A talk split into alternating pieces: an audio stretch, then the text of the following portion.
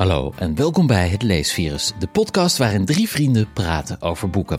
Olaf Koens, Ronnie Palace en ik, Stefan de Vries. We zijn alle drie besmet met een boekenziekte waar we jullie graag mee aansteken tijdens quarantaine of de lockdown. En in deze aflevering hebben we het over vriendschap en liefde en we breken een lans voor stripboeken.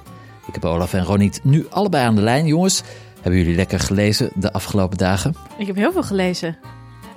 Ja. Goed. Onder andere dus ik- een boekje waar ik het met jullie over wil hebben. Maar dat is eigenlijk herlezen. Hmm, wat goed zeg. Ja, ik, ik heb twee kinderen die de hele dag thuis zitten. kennen dat eh, eh, eh, als die eindelijk slapen, en, eh, ik heb ook nog wat werk te doen. eh, dan eh, wil ik zelf, eh, ik ben, gisteren ben ik gewoon in slaap gesukkeld. En vandaag, vanavond ben ik ook in slaap gevallen. Maar ik ben inmiddels weer wakker. Dus ik ga straks weer, eh, straks weer een beetje lezen. Ja, maar het gaat langzaam deze dagen. Volgens mij is corona de, het enige moment dat mensen met kinderen ineens heel erg jaloers zijn zonder kinderen. Op mensen zonder kinderen. ja, nou, dat gebeurt wel vaker hoor. Maar eh, Ja, ik voel met je Toch, mee, mijn kinderen die zijn er niet. Ja, precies. Maar ja, ik heb ze nu niet. Dus ze zijn ver weg. Nee. Ehm, Nou, dus dan- ik dan maak me van Mag jij op zijn minst eh à la recherche du temps perdu eh, opnieuw gaan lezen? Dan lees nog liever een ander boek, Reis naar het einde van de nacht bijvoorbeeld, waar we het in de eerste aflevering over hadden. Maar eh, volgens mij heb jij nu een ander boek gelezen, toch? Ja, ehm, ik ben dus even gaan nadenken. Wat was nou, waar, was ik echt de afgelopen eh, paar maanden? Waar was ik nou heel erg van onder de indruk? Ehm, en één, één boek springt daar toch wel echt heel erg eh, tussenuit. En dat is eigenlijk vooral omdat, ik het, omdat dat boek alles tegen zich heeft. Het heet eh, Aantekeningen bij het verplaatsen van obelisken van eh Arjan van Velen. En dat boek heeft echt alles tegen zich. Het begint al met de titel. Hele vreemde, eigenlijk slechte titel voor een, voor een roman. Nou, dan is het ook nog een ode. Het is een ode aan een, aan, aan een vriend die is overleden. eh, schrijver Thomas Blondeau. Nou, meestal zijn dat soort boeken heel erg slecht.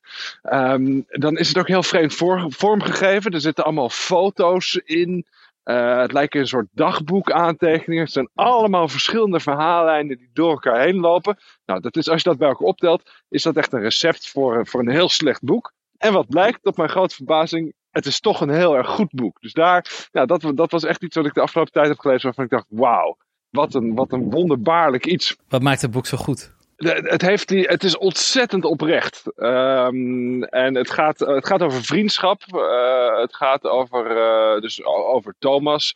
Eh, misschien hebben jullie hem wel gekend. Misschien eh, hebben luisteraars hem gekend Zeker. of gelezen. Ja, Ronit, jij wel hè? Heb jij hem ook gekend? Nee, nee, nee, nee, nooit gekend. Ehm, maar je krijgt in het boek een heel mooi portret van hem. En het is een portret van, van vriendschap. En wat is er nou mooier dan, dan, dan vriendschap? En het, het is echt oprecht. Het spaart eh, de vriendschap ook niet. Het, het, is, het is authentiek. Het is heel breekbaar. eh, heel mooi. Het raakte me. Ehm, en nogmaals, eh, dat, gebeurt, dat gebeurt niet vaak. Laat ik daarmee beginnen. Eh, en als het dan ook nog eens gebeurt in een boek waarin je dat totaal niet verwacht, ja, dan, dan is dat eigenlijk iets heel erg iets moois. En er zit een hele belangrijke ehm, eh, proof of the pudding in. Kijk, Thomas was natuurlijk een Vlaming. En Nederlands begrijpen Vlaanderen niet. Ehm, en dat, ja, dat ligt nou eenmaal een beetje in onze volksaard. We zijn daar een beetje arrogant in. We denken, ach, België, die, dat snappen we wel. Maar dat is niet zo. België is een heel ander land, wat heel ja, eh, ragfijn in elkaar zit. En je moet dat echt, eh, je moet heel veel moeite doen om dat te begrijpen. En de beschrijving van Vlaanderen die hierin zit, is ontzettend goed. En dat zie je eigenlijk maar heel erg zelden. Eh, daarin laat zich de meester. eh, Kun je een voorbeeld geven van wat er zo typisch Vlaams is, wat zo goed wordt beschreven? Nou, dat er in. Het, het- het- kijk, het leven speelt zich af in, in dorpen in Vlaanderen, niet in steden. Ehm, anders dan bij ons. En wat er in het boek heel duidelijk naar voren komt, is dat er in zo'n dorpje hè, zijn er eigenlijk twee opties. Of je rijdt op je achttiende tegen een boom aan, eh, of niet. Eh, en, het, en, het, en het vermogen om dat niet te doen, dat getuigt al van groot talent. Ehm, en dat zit daar heel mooi in. Ja, dat, dat, dat is echt waar. Eh, ik herken dat heel erg. Ik heb zelf jaren in België gewoond.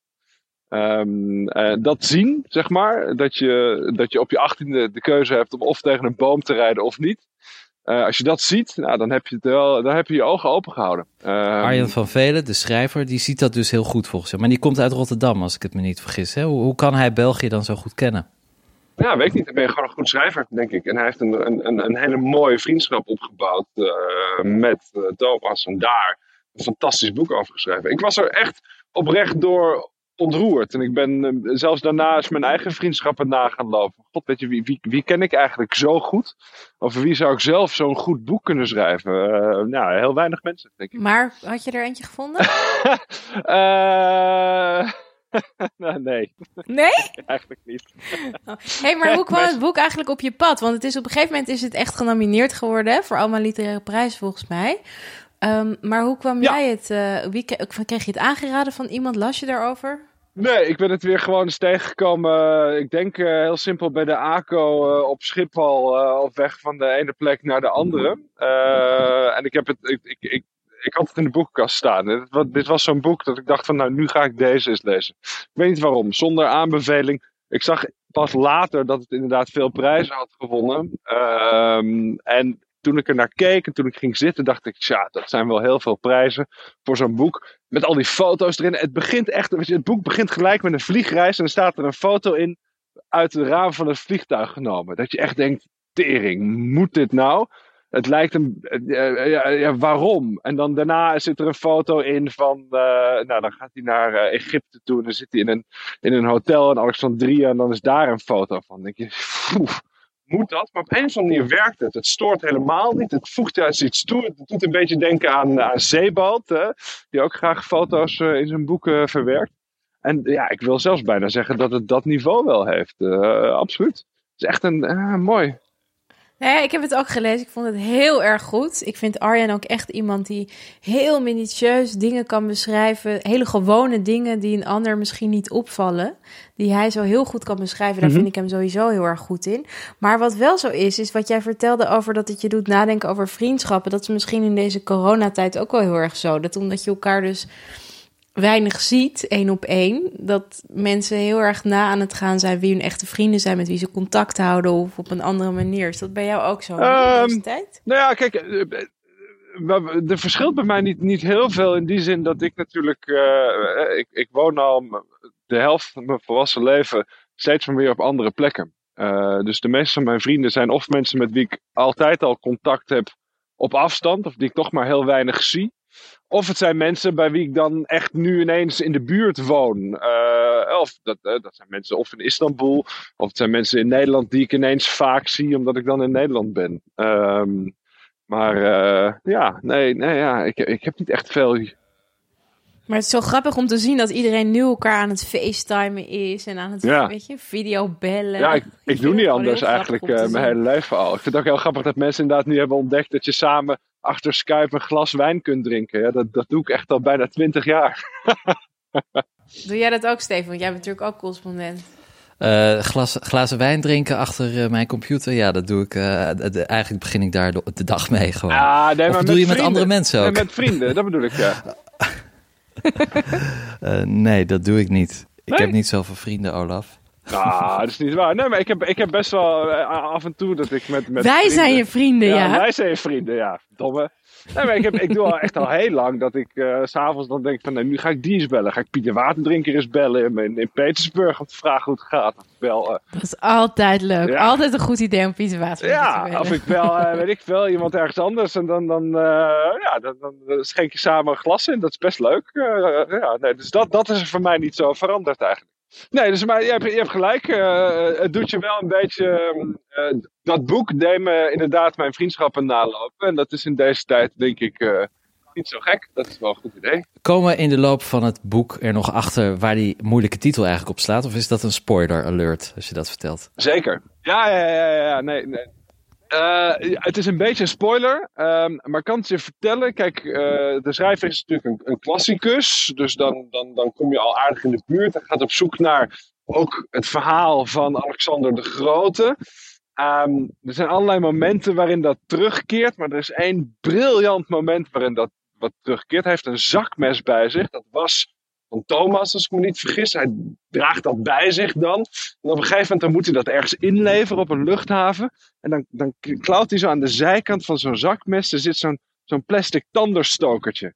En daar kijkt hij naar. En als hij lang naar dat tandenstokertje kijkt, dan ziet hij ineens wat dat eigenlijk is. Nou ja, dan kan jij wel raden, denk ik, wat dat is, wat er dan verplaatst is. Zo'n tandenstoker is ook een soort obelisk. Misschien wel. Ehm, heel flauw, heel klein. Uh, misschien wel heel ver gezocht, maar op een of andere manier vond ik het echt onroerend. Ja, dus aantekeningen over het verplaatsen van obelisken van Arjen Vervelen uh, verschenen bij uh, de bezige bij. Dus dat is iets wat mensen in quarantaine volgens jou absoluut moeten lezen. Ja. Oké, helder. Ook buiten quarantaine.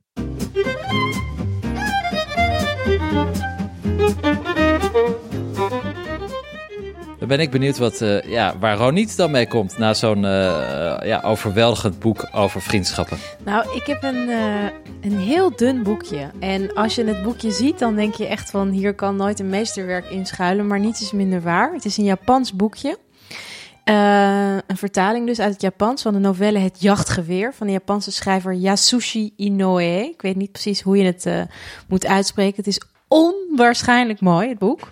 Um, het is onlangs vertaald in het Nederlands. Het is uh, ergens eind jaren 40 geschreven, geloof ik. En het is onlangs vertaald in een soort. Uh, bij, door een uitgeverij, Bananavis. Um, die uh, niet gekende klassiekers opnieuw heeft uitgegeven. En daarbij is het dus verschenen. Het is een heel bijzondere raamvertelling en een soort brievenboek in één.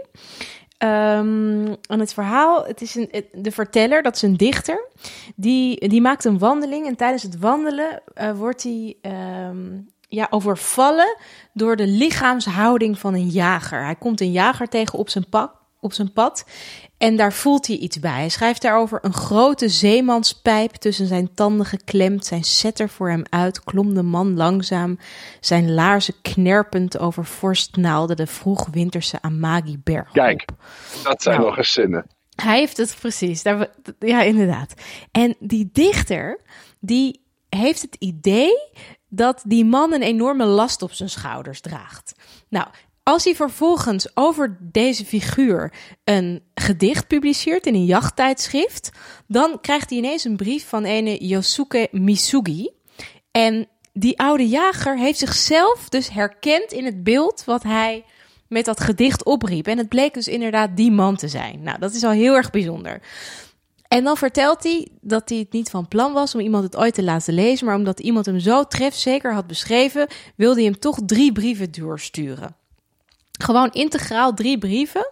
Uh, eentje is van de dochter van zijn maîtresse. Eentje is van zijn uh, maîtresse, die inmiddels overleden is. En één is van zijn bedrogen echtgenoot. Wauw.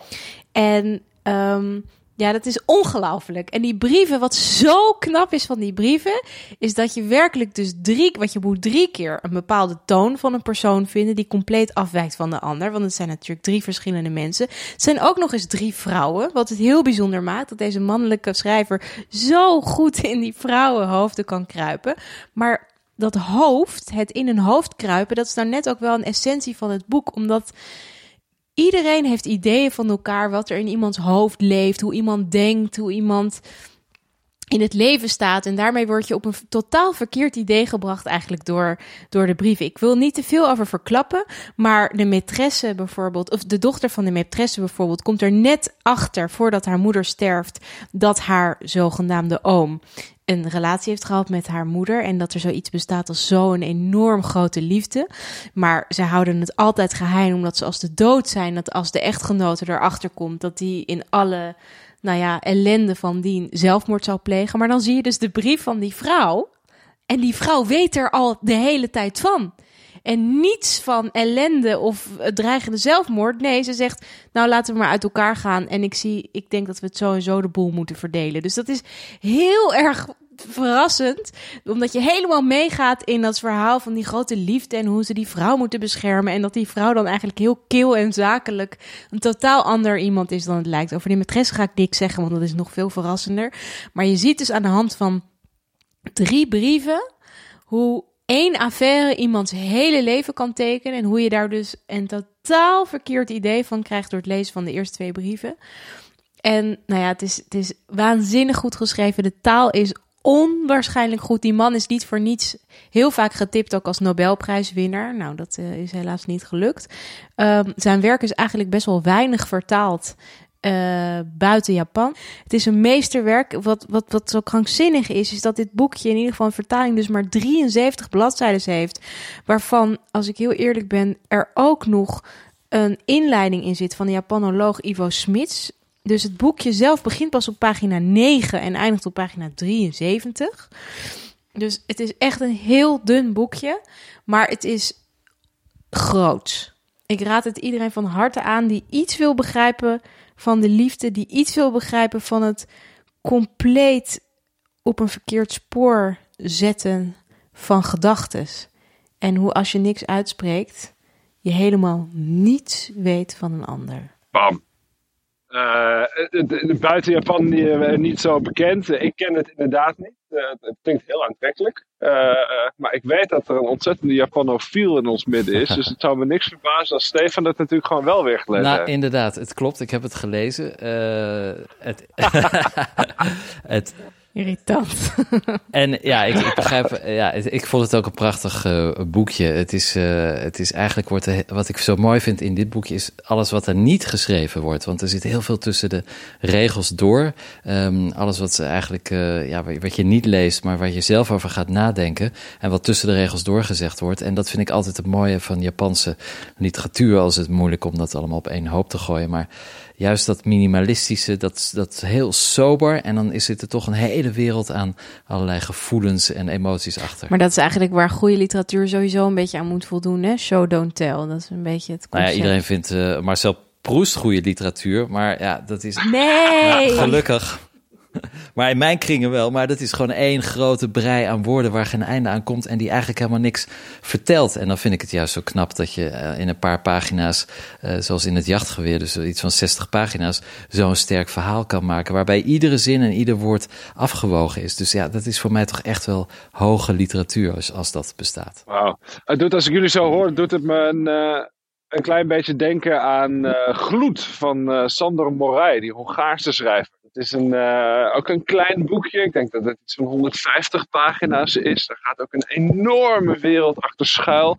Er zijn er twee oude vrienden treffen elkaar en die hebben een, een geheim wat wat langzaam maar zeker uit de doeken wordt gedaan. Heel voorzichtig, heel minimalistisch. Staat ook geen woord te veel in. Je moet het echt zelf uh, invullen bijna. Maar als je dat doet, uh, en, en, en dat doe je, dat kan niet anders als je dat boek leest, uh, dan, dan komt er ook een ontzettende wereld naar je toe. En dat sluit eigenlijk heel erg aan bij wat Ronit zei. Hè? Als je het niet uitspreekt, als je er niet achter komt, wauw, dan weet je echt niet wat er in uh, zelfs uh, de grootste vriendschappen die je hebt gekend. Ik weet niet wat er in mensen omgaat. Nee. Nee. Nee, nee, doet een beetje daaraan denken. Maar zelf niet in de grote liefdes dus ook. Nee, liefde, vriendschap. Maar is misschien maar goed ook. Ik las laatst een ontzettend verontrustend bericht. Daar werd ik op getipt door iemand.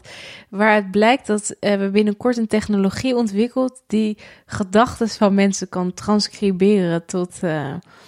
Uh, uh, nou, tot zinnen. je moet er toch niet aan denken dat iemand in je hoofd kan gaan kijken. Dan houdt echt alles op. Ja, is dat zo? Ik, volgens mij ontstaat er dan gewoon zo'n brei aan. In mijn geval zou er zo'n brei ontstaan aan onsamenhangende onzin dat het. Uh, nee, ik wens er voor veel mij succes zou het heel gevaarlijk zijn, Olaf. ja, ach, ik zou het wel willen lezen. Dangerous mind. Ja.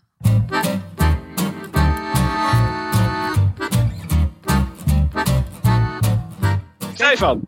Jij hebt ook iets meegenomen, of niet? Ja, heb jij, nog, even heb, jij nog een, heb jij nog een boek gelezen? Zoals je weer stripboeken te lezen. Ik zat inderdaad een stripboek te lezen. En niet zo uh, neerbuigend over stripboeken. Want dat is, ja, in, in Frankrijk is dat uh, hoge literatuur. Le neuvième art heet dat zelfs.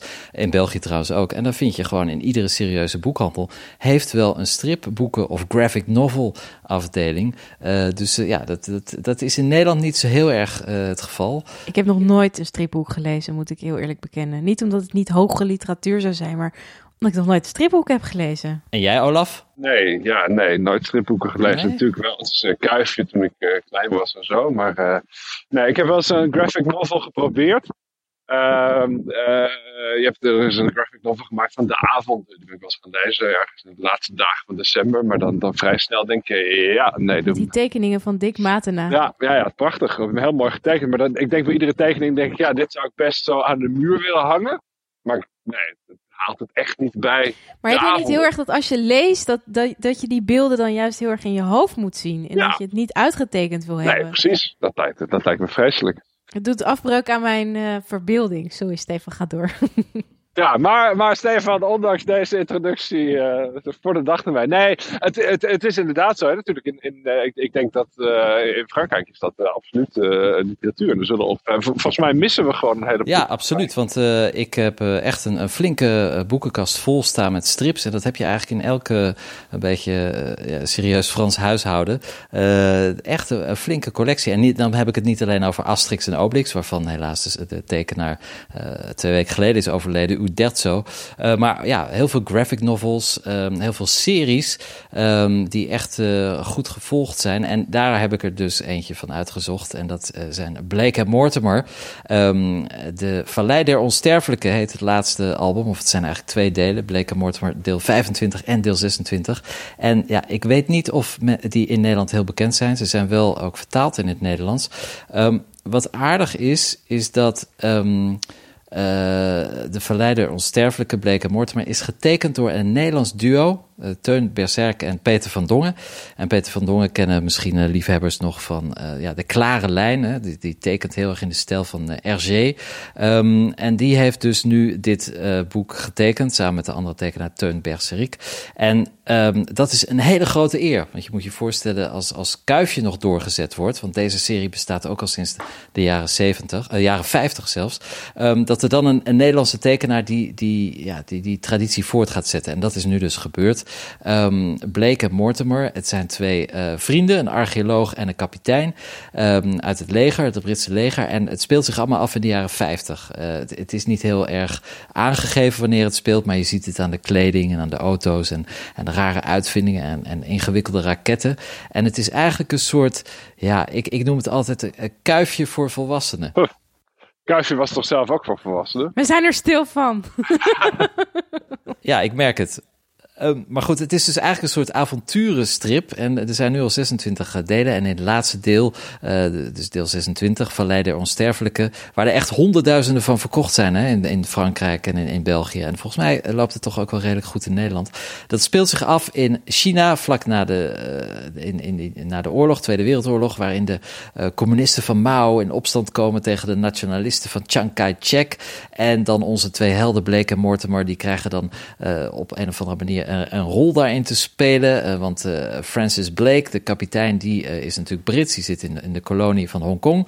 Ehm die moet het, de kolonie beschermen tegen de inval van China. En terwijl Philip Mortimer, de andere twee van het duo, ehm, de andere van het duo, die is eh, archeoloog. En daar heb ik natuurlijk ook affiniteit mee, want ik ben zelf ook kunsthistoricus en archeoloog. Die moet dan een kunstschat eh, voor zichzelf eh, ja, beschermen eigenlijk. Dus heel ingewikkeld verhaal, eh, maar het is gewoon echt een heel leuk boek. En het is gewoon, ja, het is, het is echt een, ook een leesboek. Hè. Er staat heel veel tekst in. Eh, dus mensen die zeggen, ja, plaatjes, eh, dat geloof ik wel. En de mensen die zeggen, juist zeggen, ja, teksten, dat geloof ik wel. Eh, die kunnen heel veel kwijt in de plaatjes. Dus ik, dat raad ik aan. Blake en Mortimer, deel 25 en 26 nu in de winkel. Maar eigenlijk moet je gewoon die hele reeks tijdens de hele lockdown-periode lezen. Want het, het is heel fantasierijk. En dan ontsnap je tenminste uit je eigen kleine appartementje je in opgesloten zit. Maar dat is ook goed los te lezen dus. Ja, als je van eh, goede verhalen houdt, absoluut. Maar, dus, maar zeg maar, als ik morgen naar de winkel ga, zeg ik nou, doe mij deel eh 22. of zo. Absoluut, Dan ja, je kan, kan- dat gewoon als, als, ieder als verhaal een los verhaal. Het is een beetje een serie. Maar ieder verhaal staat op zichzelf. Of, of moet, ik, moet, ik de hele, moet ik die twee helden helemaal terug eh, tot Nee, dat hoeft 50? niet. Je kan eh, gewoon een willekeurig boek beginnen. Eh, het zijn allemaal, sommige zijn in twee delen, zoals het laatste verhaal dus. Maar je kunt echt wel ieder aflevering, iedere aflevering op zichzelf lezen. Ehm, en dan kan het je echt, ja, ik zou het meteen doen morgen. En je kinderen hebben er later ook nog wat aan. Want het is gewoon, het zijn tijdloze verhalen. Een soort science fiction op ecstasy. denk dat mijn kinderen later mijn hele boekenkast naar de kringloopwinkel brengen. Dus ik weet niet wat dat. Uh, dat hoop je niet, maar ik vrees van wel. Ehm, uh, ik zag laatst een uh, advertentie van kinderen die, die door een tijdschrift aan het bladeren waren. En die zeiden: Mommy, the iPad is broken. Ja, ja. klassieker. klassieker. Ja. ja, mijn kinderen zitten ook in het begin heel snel, als ze nog heel jong waren, zaten ze zagen ze, een, hadden ze ook een magazine, zo'n Monocle, weet je wel, een fantastisch blad. En dan zat mijn dochter doorheen te bladeren en die ging op de plaatjes ging ze met haar beide duimen zo proberen in te zoomen. Ja, dat deed dus niet. Nee. nee. Ja, maar oké, okay, uh, challenge accepted. Uh, ik, uh, nou, kom maar op. oké, dan ga ik het bestellen. Ga ik het lezen ben benieuwd hoe lang, uh, met, met, hoeveel, ik, hoeveel pagina's is dat? Maar hoeveel avonden ben ik, ben ik uh, Nou, ik denk dat je één deel wel in een lange avond kunt uitlezen. Want er valt dus ook echt veel te lezen. Um, dus ja, dat, dat zou ik je gewoon... Je, je, kan absoluut... Je begint gewoon met één deel. welk deel dan ook. Na een avond weet je of het wat is of niet. Dankjewel, Stefan. ik, je, je hebt me zo waar overtuigd. Ik ga gewoon dat, ik ga dat stripboek halen. Dan gaan we het er de volgende keer over hebben. Ja, ja. Ik, ik dank jullie allebei voor jullie tips eh, deze keer. En uh, nou, nu druk lezen de komende dagen. Dan kunnen we de volgende keer in het leesvirus weer allerlei andere boeken aanraden aan al die arme mensen die nu uh, thuis zitten. En denken, waar haal ik die boeken toch zo snel mogelijk vandaan? Waar we het net over en zelfs als boeken niet te, te, bestellen zijn of in een boekhandel te koop, dan is er ook nog zoiets als boekwinkeltjes.nl. Daar kunnen ook nog boeken worden aangeschaft die niet meer in druk zijn. Want ik stel wel voor dat we ons niet beperken tot boeken die in druk zijn. Dat is nergens voor nodig. Ja, inderdaad. Een hele goede suggestie. Volgens een eigen website kun je daar kiezen uit meer dan 6 eh, miljoen tweedehands boeken. Dus daar kom je de quarantaine wel mee door. Boekwinkeltjes.nl dus. En voor duidelijkheid, die site eh, betaalt ons helemaal niets om genoemd te worden. Maar het is wel een goede tip. Alle titels van de boeken die we in deze podcast bespreken kun je terugvinden op onze Twitter en op Facebook. Allebei het leesvirus. Voor nu was je handen, lees een boek en tot de volgende keer.